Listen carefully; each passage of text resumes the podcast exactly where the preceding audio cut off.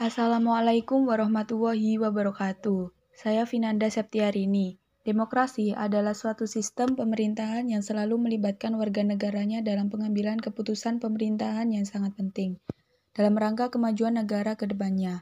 Untuk mengetahui suatu negara sudah menerapkan demokrasi atau belum yaitu dengan menggunakan tiga aspek. Yang pertama, pemilihan umum. Pemilihan umum sebagai proses pembentukan pemerintah. Pemilihan umum salah satu instrumen penting dalam proses pergantian pemerintahan.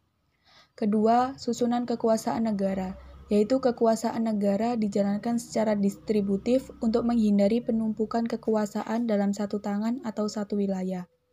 Tiga, kontrol rakyat, yaitu suatu relasi kuasa yang berjalan secara simetris, memiliki sambungan yang jelas, dan adanya mekanisme yang memungkinkan kontrol dan keseimbangan check and balance terhadap kekuasaan yang dijalankan eksekutif dan legislatif. Lima model demokrasi yang diterapkan oleh negara-negara di dunia. Yang pertama, demokrasi liberal, kedua demokrasi terpimpin, ketiga demokrasi sosial, keempat demokrasi partisipasi, kelima demokrasi konsosiasional.